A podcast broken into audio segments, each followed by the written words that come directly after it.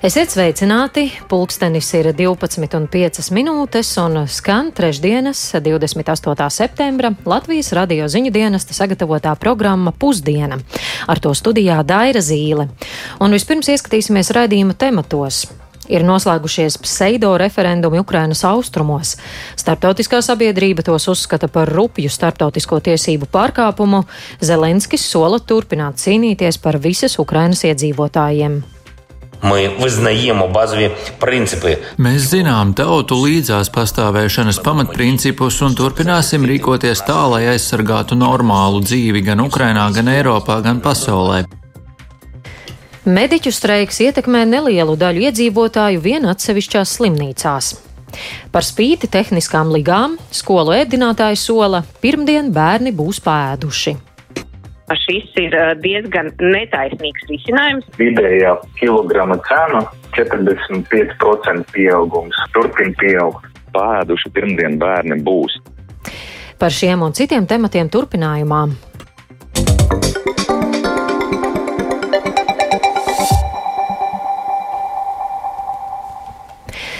Saistībā ar Krievijā sākto mobilizāciju līdz 26. decembrim ārkārtējā situācija ir izsludināta Latvijas-Krievijas robežu šķērsošanas vietās un Alūksnes, Balvu, Ludzas un Augšdaugavas novados. Tāpat valdība lēma slēgt Pēdedzes robežu šķērsošanas vietu un uzdeva valsts robežsardzē veikt pastiprinātu Latvijas-Krievijas robežu uzraudzību. Pie robežas mazpilsētā Kārsavā Latvijas radio uzrunātie iedzīvotāji lielākoties saka, ka pašlaik jūtas droši un nemana kaimiņu valsts iedzīvotāju palielināšanos vai arī ar Krievijas eh, numura zīmēm auto. Nē, nav mašīnu ar Krievijas numuriem. Vismaz pie mums nav bijusi pagaidām. Sakiet, jūs zināt, kas sludināta ārkārtējā situācija pierobežā? Jā, protams. Tā ir vajag aizsargāt savu robežu. To jau sen vajadzēja izdarīt. Vai jūs droši jūtaties dzīvojot pierobežā? Droši. Vajag pašam būt drošam, tautai drošai kopsavienība vajadzīga visai tautai. Tad būs viss kārtībā. Kā живем, так и живем потихоньку. Здесь. Kā dzīvojam, tā arī то, dzīvojam pamazām šeit. Здесь, ну, Ukraiņu ir daudz, citādi viss pa vecam. Krievus neesmu manījis. Nu, не встречал здесь. Mierīgi, pagaidām vismaz. Nenāk pāri robežai?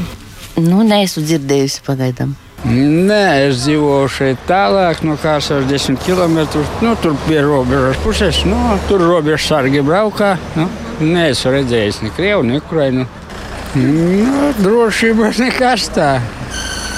Pagaidām neuztraucos, nekas nav tā. Nu, protams, ka uztrauc. Kā var neuztraukt? Tādas lietas pasaulē notiek. Tā, kas tur visu laiku tā situācija ir bijusi? Es 40 gadus dzīvoju pierobežā, un nekas nav mainījies. Viss ir droši un labi. Kā jūs vispār raugāties uz to, ka tagad no Krievijas varētu bēgt tie, kas mobilizēti, kurus grib mobilizēt? Varbūt, bet es neticu, ka kaut kas beigs. Tie, kas beigs, tie jau nebeigs pāri robežai kaut kur. Meklēs citus ceļus, es tā domāju. Tam sako viņiem te darīt. Ar gandrīz simtprocentīgu atbalstu dalībai Krievijas federācijā ir noslēgušies tā dēvētie referendumi Ukrainas austrumos, uz laiku okupētajās un Krievijas faktiski kontrolētajās teritorijās. Starptautiskā sabiedrība šos balsojumus uzskata par rupju starptautisko tiesību pārkāpumu, solot pastiprināt pret Maskavu ieviestās sankcijas, bet tikmēr par jauno Ukrainas teritoriju aneksiju Krievija varētu paziņot jau šajā nedēļā. Vairāk stāsta Uģis Lībietis. Tā dēvētajās Donetskas un Luhanskas tautas republikās, kā arī okupētajos Hersons un Zaporīžas apgabalos rīkotie balsojumi par pievienošanos Krievijas federācijai tika sarīkot lielā steigā, rieģējot uz Ukrainas bruņoto spēku straujiem panākumiem frontē. Vēl pirms šo balsojumu sarīkošanas bija skaidrs, ka iznākums būs Krievijai labvēlīgs. Tāpēc 87 līdz 99% atbalsts dalībai Krievijas sastāvā nebūtu nav pārsteigums. Kā vakar uzrunājot apvienoto nāciju organizācijas drošības padomjas pārstāvjus, norādījis Ukrainas prezidents Valdemirs Zelenskis, pēc šiem pseido referendumiem viņam ar Krievijas prezidentu Vladimiru Putinu vairs nav par ko runāt. Pēc Zelenska vārdiem aneksija ir tāda rīcība, kas nostādīs Krieviju vienu pret pārējo cilvēci. Uzrunā Zelenskis saviem iedzīvotājiem solīja turpināt cīnīties par visas Ukrainas iedzīvotājiem. Ми визнаємо базові принципи співжиття народів, і ми будемо діяти і надалі для того, щоб захистити нормальне життя в Україні. Mēs zinām tautu līdzās pastāvēšanas pamatprincipus un turpināsim rīkoties tā, lai aizsargātu normālu dzīvi gan Ukrainā, gan Eiropā, gan pasaulē. Mēs aizsargāsim savus cilvēkus gan Hersonas apgabalā, gan Zaporīžas apgabalā, gan Donbasā, gan joprojām okupētajos Harkivas apgabala rajonos un okupētajā Krimā. Notikušais fars okupētajās teritorijās pat nav nosaucams par referenduma imitāciju. Rezultāti ir mākslīgi radīti un tie jau iepriekš bija pieejami masu saziņas līdzekļos. Vienota un racionāla atbilde uz šādu okupantu rīcību ir vēl lielāks atbalsts Ukrainai, un es pateicos visiem mūsu partneriem, kas atbalsta mūs finansiāli, militāri un sankciju veidā. Obronu, finansavu, sankciju. Par spīti Krievijas apgalvojumiem, ka beidzot tiks izbeigta astoņus gadus ilgusī krievulodīgu apspiešana un ir sadzirdēta okupēto teritoriju iedzīvotāju vēlme atteikties no Kīivas režīma, starptautiskā sabiedrība nav gatava šādus balsojumus atzīt. Arī ANO ģenerālsekretāra vietniece politiskajos un mieru veicināšanas jautājumos Rozmarīdi Kārlo ir uzsvērusi, ka apvienotās nācijas ir pilnībā uzticīgas Ukrainas suverenitātei, vienotībai, neatkarībai un teritoriālajai nedalāmībai tās starptautiski atzītajās robežās. These exercises, which began on 23 September, Šīs darbības, kas aizsākās 23. septembrī, notiek aktīvu bruņotu konflikta laikā Krievijas kontrolētos reģionos un ārpus Ukrainas juridiskā un konstitucionālā ietvara. Tas nevar uzskatīt par patiesu tautas viedokļu paušanu. Vienpusēja rīcība, cenšoties radīt likumīgumu priekškaru centieniem ar varu sagrābt otras valsts teritoriju, vienlaikus atsaucoties uz iedzīvotāju vēlmēm, saskaņā ar starp starptautiskiem likumiem nevar tikt uzskatīta par likumīgu. Gan Eiropas Savienības, gan NATO līderi šodien jau nosodījuši pseido referendumus un to iznākumu, apsūdzot Krieviju rupjos starptautisko tiesību pārkāpumos. Pagaidām gan vēl tikai tiek domāts par sankciju pastiprināšanu pret Maskavu, taču Kijava šodien ir aicinājusi gan Eiropu, gan NATO, gan G7 valstis rīkoties izlēmīgi, ieviešot gan sankcijas, gan palielinot militāro atbalstu Ukrainai. Starp citu, Amerikas Savienotās valstis ir ļāvušas Ukrainai izmantot tai piešķirto militāro tehniku triecienu izdarīšanai pa okupētajām teritorijām, kas jau pavisam drīz visticamāk jau piekdien varētu tikt pasludināts par daļu no Krievijas federācijas. Maskavas pārstāvji jau ir norādījuši, ka šādā gadījumā ASV kļūtu par šī militārā konflikta tiešu dalībnieci. Uģis Lībijams, Latvijas Radio.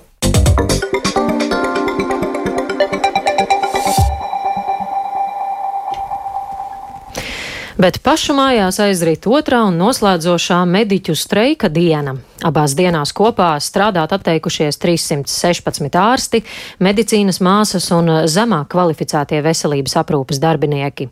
Tas nozīmē, ka arī daļa plānveida pakalpojumu šajās dienās netiek sniegti. Lai saprastu, cik liela ir streika ietekme uz veselības pakalpojumu pieejamību, šajā mirklī mums studijā ir pievienojies kolēģis Kristaps Feldmanis. Sveiks, Kristap! Sveika, Daira! Labdien, Latvijas radio klausītāji! Kā šis streiks, kurā piedalās vairāk nekā 300 medicīnas darbinieku, ietekmē iedzīvotāju iespējas tikt pie ārsta? Jā, nu, jāsaka, ka tas ļoti atšķiras no slimnīcas uz slimnīcu. Es uh, sazinājos ar vairākām. Jau vakar informēju, ka, piemēram, Paula Stradiņa Kliniskajā universitātes slimnīcā streika dēļ abās dienās ir atcelti aptuveni 15 plānveidu pieraksti pie speciālistiem un arī 40 plānveidu operācijas. Kā skaidroja slimnīcas pārstāve Janita Veinberga, operāciju pārcelšanas lielā mērā saistītas ar to, ka starp streika dalībniekiem ir arī anesteziologi, reanimatologi, bez kuriem, saprotams, operācijas nevar notikt. Savukārt valsts lielākajā Austrumu Kliniskajā universitātes slimnīcā šodien situācija ir pavisam mierīga un streiks neietekmējot tās darbu. Savukārt vakar gan Latvijas onkoloģijas centrā vienu dienu streikojusi daļa darbinieku. Eh, slimnīcas pārstāve Ilga Namniece gan nevarēja pateikt precīzi, cik daudzus cilvēkus streiks ietekmējis, jo slimnīcai šis fakts jau bijis zināms laicīgi, tādēļ šajā dienā jaunas operācijas nemaz nesot ieplānotas. Savukārt tās dažas pēc Namnieces sacītā aptuveni desmit, kuras ir pārceltas, notiks jau tuvākajā laikā. Lūdzu, namnieces sacītais. šīs iepriekš plānotās operācijas Latvijas onkoloģijas centrā visas tika pārliktas nedēļu un divas uz priekšu. Uzreiz jāteic, ka pacientu veselību, tas nekādi neietekmēs, jo viņas ir pārliktas ļoti īsā posmā. Jā, tātad dzirdējāt Rīgas Austrum Kliniskās Universitātes slimnīcas pārstāvis Ilgas Namnieces sacīto. Savukārt reģionos, vismaz slimnīcās, ar kurām sazinājos, streiku nejūt. Daugopils reģionālās slimnīcas vadītājs Grigorijs Semjonovs atklāja, ka jau laicīgi bijuši zināmi streikotāji, tādēļ arī darba grafiks sastādīts atbilstoši, un neviens cilvēks streika dēļ nav palicis bez plānotās palīdzības. Savukārt Ziemeļkurzemes reģionālās slimnīcas vadītājs Juris Lācis stāstīja, ka slimnīcas darbinieki izlēmuši streikā nepiedalīties. Taču 14 darbinieki piedalījās piedalījušies vakardienas piketā pie valdības. Tomēr to darījuši no darba brīvajā laikā, tādēļ arī Ventspīlī esošajā slimnīcā un tās filiālē Talsos visus plānotos pakalpojumus ir saņēmuši. Tāpat Nacionālais veselības dienests skaidroja, ka informāciju par to, ka kāds pakalpojums pavisam netiktu sniegts, viņi nav saņēmuši, jo gadījumos, ja kāda streikojošā kolēģa pienākums pārņem cits kolēģis, tad par to dienests nemaz netiekot informēts.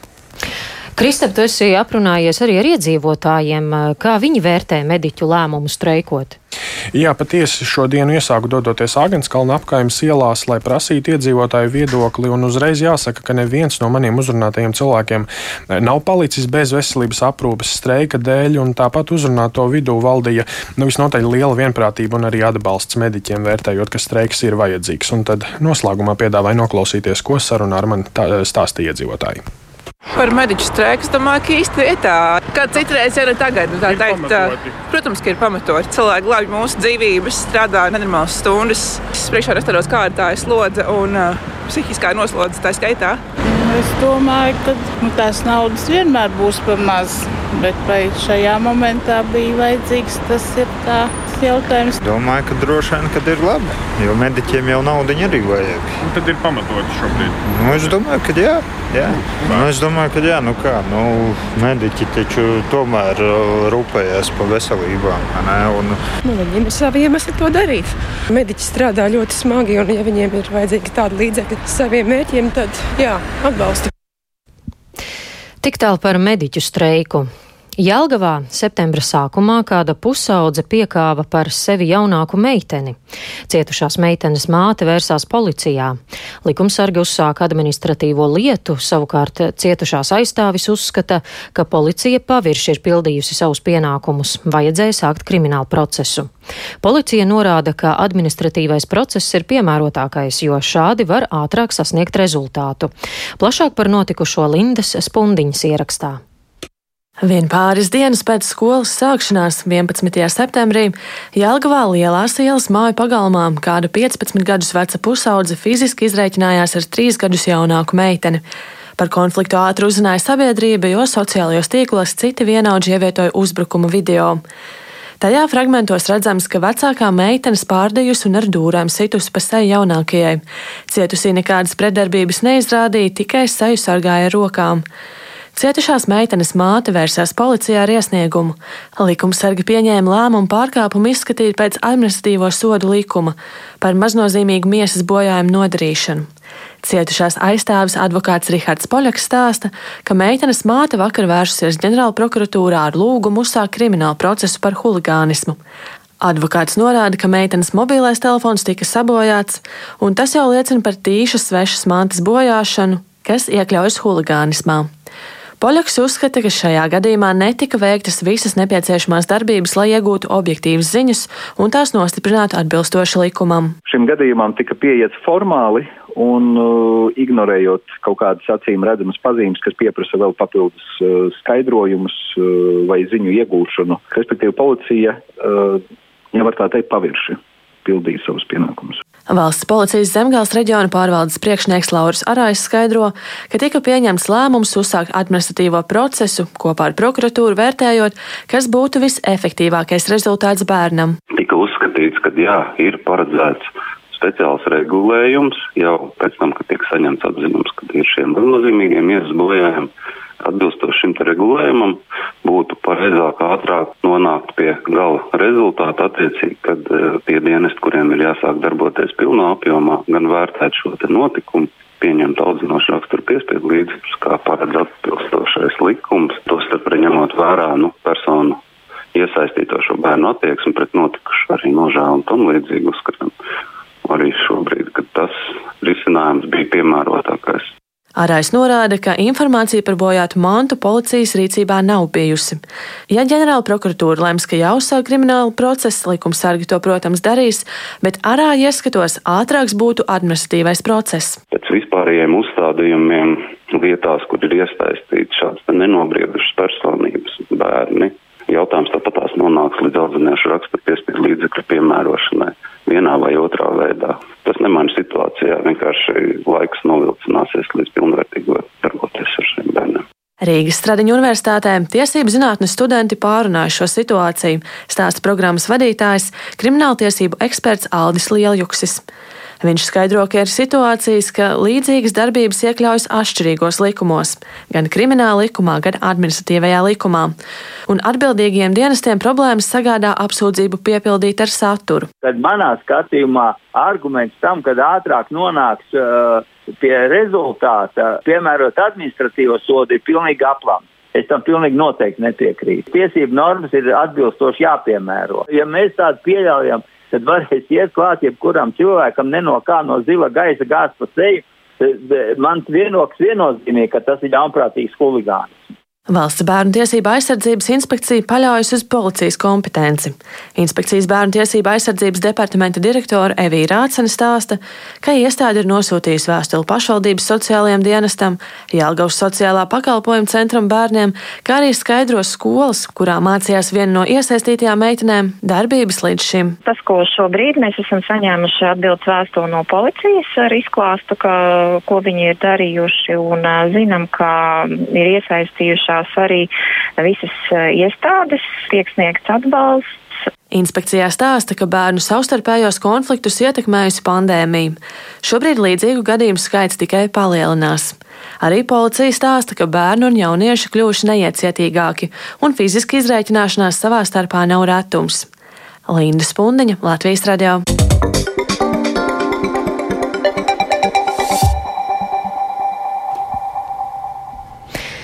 Lai gan jau pēc dažām dienām Rīgas skolās bērni pie pusdienām varēs tikt tikai tad, ja vecāki būs veikuši līdzmaksājumu, īstas ugunskristības šajās dienās piedzīvo jaunā bērnu ēdināšanas reģistrācijas sistēma Pusdienlaiks LV. Vecāki tajā saskaras ar problēmām noslēgt distances līgumu ar skolu ēdinātāju un veikt līdzmaksājumu. Rīgas dome un izglītības iestāžu ēdinātāju asociācija sola, ka pirmdien neviens skolēns ar tukšu vēderu nepaliks, un siltas pusdienas būs visiem, kuri tās vēlēsies.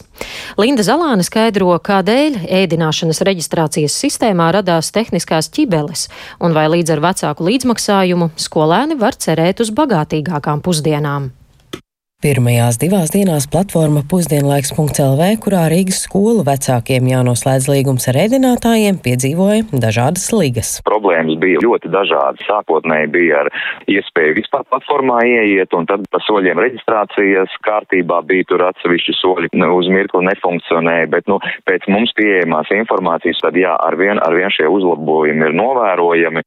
Izglītības iestāžu ēdinātāju asociācijas pārstāvis Jānis Meija, tehniskā Tehniskās ķibeles saista ar īso laika sprīdi, kurā IT sistēma bija jāievieš, kā arī faktu, ka platformā šajās dienās reģistrējas apmēram 100 tūkstoši bērnu vecāku un visticamāk sistēma neizturēja slodzi. Mums ir tāda tiešām nu, cerība un pārliecība, ka ar katru dienu šī platformas darbība būs arvien labāka. Mums ir galvenā raize un rūpe, lai bērniem puņķu pilni būtu, un par to mēs, protams, nereizējamies, un mēs vēlamies tiešām vecākus tā teikt nedaudz nomierināt, lai nesatraucās, ka pāēduši pirmdien bērni būs.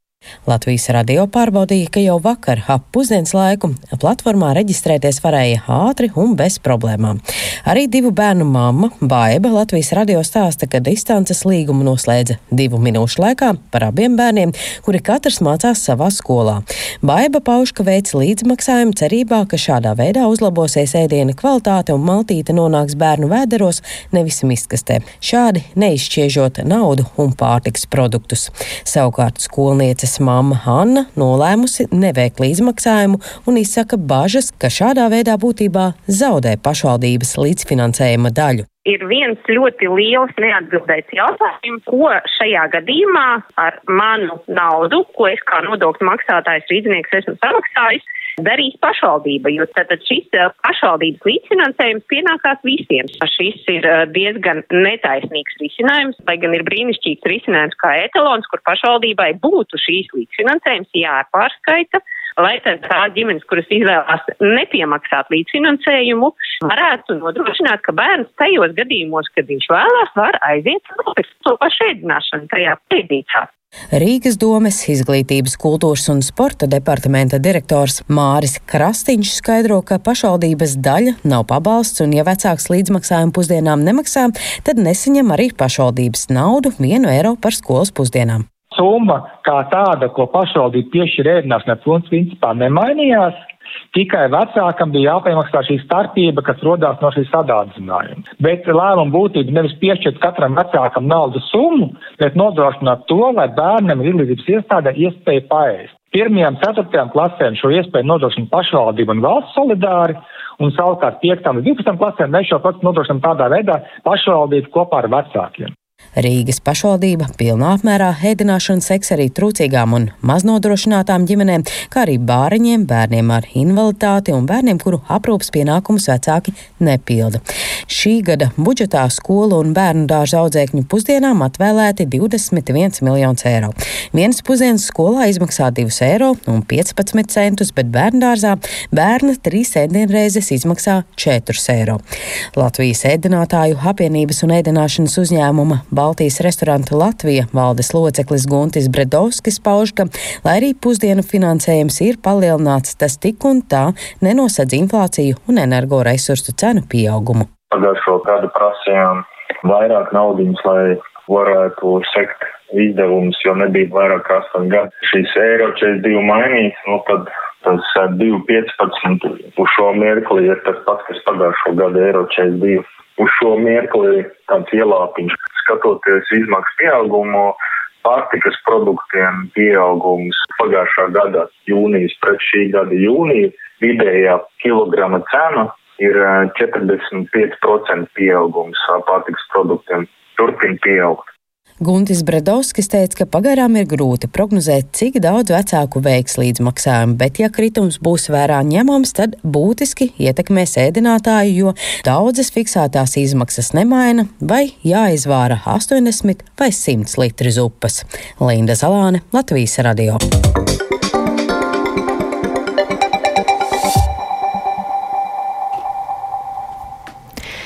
Latvijas radio Big Bands vienā no prestižākajām Stokholmas ierakstu studijām šobrīd Zviedrijā veic jaunu albuma ierakstu kopā ar Latīņamerikas džeza zvaigznēm. Albumā ar nosaukumu A Tribute to Bossa Nova, jeb veltījums Bossa Novai, būs apkopotas populārākās leģendārā brazīļu komponista Antonio Carlosa Žobima kompozīcijas. Par ierakstu stāsta Latvijas radio Big Banda komunikācijas vadītājs Uldis Ziediņš albuma aranžētājs un idejas autors Mats Humplists ir pats no Zviedrijas, un ar viņu mums ir sadarbība jau ļoti produktīva vairāk gadu garumā, jau kopš 2017. gada, mēs tad esam vienu albumu ierakstījuši. Viņš vēlējās šo albumu ierakstīt savās mājās, tātad Stokholmā, Un tā kā tā ir Brazīlijas mūzika, Bossa Novas, tad viņš piesaistīja divus no šī brīža tādām karstākajām Latvijas Amerikas zvaigznēm eh, Kiko Freitas bundzinieku un Heisas eh, Molina, taustiņu instrumentālisti jaunu, ārkārtīgi atraktīvu puisi. Latvijas Amerikas šie mūziķi arī ieradušies Stokholmā, un tā mēs satikāmies no četrām pasaules valstīm bet sestdien, 1. oktobrī, mūsu Big Bands būs atgriezies, lai Jūrmalā, Dzintaru koncertzālē, iepazīstinātu ar šīm kompozīcijām arī Latvijas klausītājus.